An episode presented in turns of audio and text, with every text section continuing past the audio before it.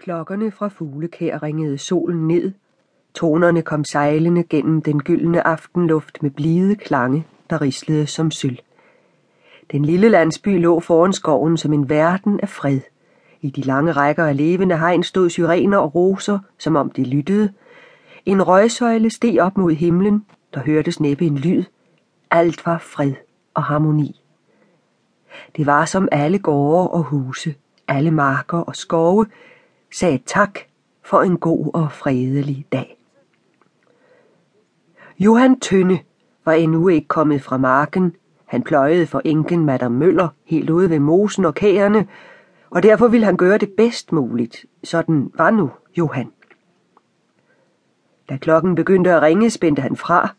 Han stod et øjeblik og lyttede til klokkeklangen og klappede sine heste.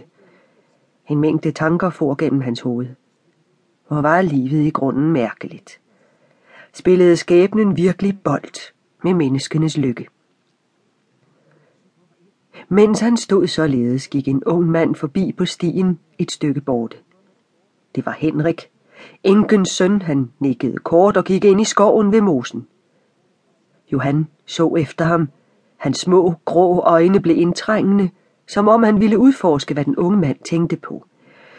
Søsen forstået, mumlede han. Henrik gik til synlædende så rolig, og alligevel var Johan vis på, at det blev en skæbnesvanger aften. Mens han kørte hjemad med hestene, tænkte han på drengenes skæbne. Ja, for Johan kaldte ham nu dreng, selvom han var 24 år.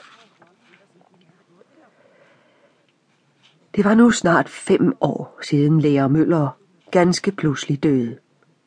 Johan kunne aldrig blive træt af at tænke på denne mærkelige mand. Dygtig og velanset havde han været som læger. Men det havde langt fra været ham nok. En mængde tillidsværv havde han haft. Der havde været en restløs iver over ham, og mange ting satte han i gang. Der var nu savværket og møllen, og endelig mosen og kærene, som han ville udtørre og gøre til frugtbart land. Johan så ud over mosen og rystede på sit hoved. Nej, klog på sin egen fordel var han ikke. Da han døde, var det hele styrtet sammen. Alle sin kones penge havde han sat over styr, og der var en gæld på mange tusinde kroner. Se, sådan gik det, tænkte Johan.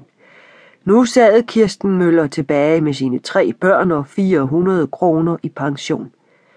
Peter Espesen, den Laban, som boede op og ned af dem derhjemme, truede med at tage den smule jord og ejendom, hun havde beholdt. Madame Møller havde måttet føre proces med ham i alle disse år. Sysen forstå, hvordan hun havde klaret sig og endda fået noget af gælden betalt. Naturligvis var det et held, at hun havde stedet her på de 15 tønder land og ingen. Møller havde købt det, da han begyndte på den store udtørring, og han beholdt det, da alt andet brød sammen. Nå, Kirsten Møller havde også været dygtig. Der var i grunden ikke hendes mage. Og når det endelig skulle frem, så havde jo han også hjulpet godt til.